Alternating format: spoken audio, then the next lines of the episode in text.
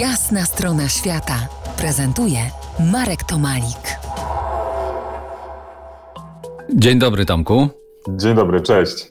Po jasnej stronie świata Tomasz Habdas, y, przewodnik beskidzki, autor książek i bloga, który nosi takie imię w szczytowej formie. Gdzie w góry na weekend górskie trasy dla każdego? To twoja najnowsza książka. Zanim odpowiemy na tytułowe zapytanie, zastanówmy się, no bo chyba dobry czas, tuż przed wakacjami jesteśmy. Czy rzeczywiście w góry?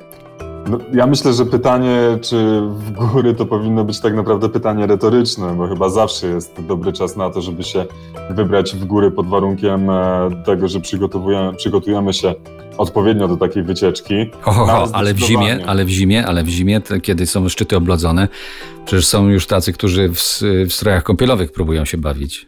No właśnie dlatego mówię, że pod warunkiem tego odpowiedniego przygotowania. No, dużo się zmieniło. Ja pamiętam, gdy z moim tatą jako małe dziecko chodziłem po górach, to mój tata wyznawał zasadę, że w góry chodzi się w sezonie letnim, od maja do września.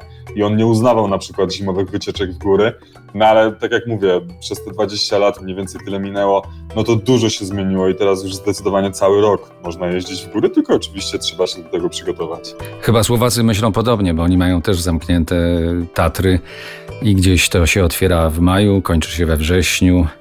A więc y, trekking. Y, powiedz, czy jest nas na szlaku y, teraz więcej, czy mniej w porównaniu do czasów pandemicznych? Czy powiedzmy, cofnijmy się jeszcze powiedzmy 5 lat? Zdecydowanie jest nas e, coraz więcej w górach. E, mam wrażenie, że góry no, stają się tak naprawdę z roku na rok coraz bardziej popularne.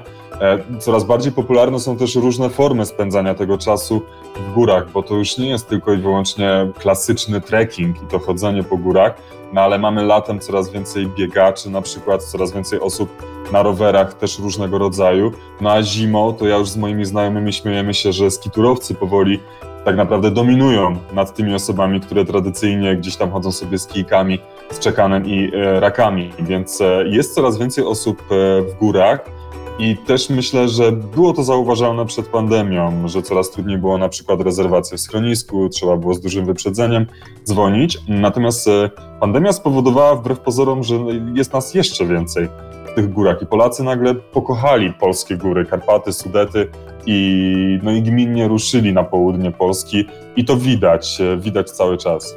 No to opowiedz, jak będzie wyglądać lato w tym roku pod względem właśnie takim wycieczek trekkingowych. Na co powinniśmy się przygotować? Na tłum? No to jest dosyć ciekawe pytanie, bo już chciałem odpowiedzieć, że tak, że pewnie będzie nas dużo E, w górach. Natomiast e, no, składa się na to jednak trochę czynników, bo coraz więcej państw się otwiera i myślę, że trochę też wrócimy do wyjazdów zagranicznych. Natomiast e, niedawno sam sprawdzałem i porównywałem ceny biletów lotniczych i z kolei ceny robią też swoje. Inflacja nie dotyczy tylko i wyłącznie Polski, ale i całego świata i wycieczki zagraniczne mogą się zrobić jednak drogie. Natomiast nie liczyłbym na to, że w górach będzie luźno, w polskich górach.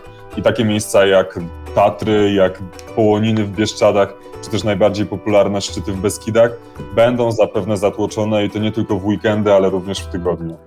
No to za kilkanaście minut ruszymy w trekking y, po tym mniej zadeptanym Beskidzie Małym i Żywieckim. Zostańcie z nami. To jest jasna strona świata w RMS Classic.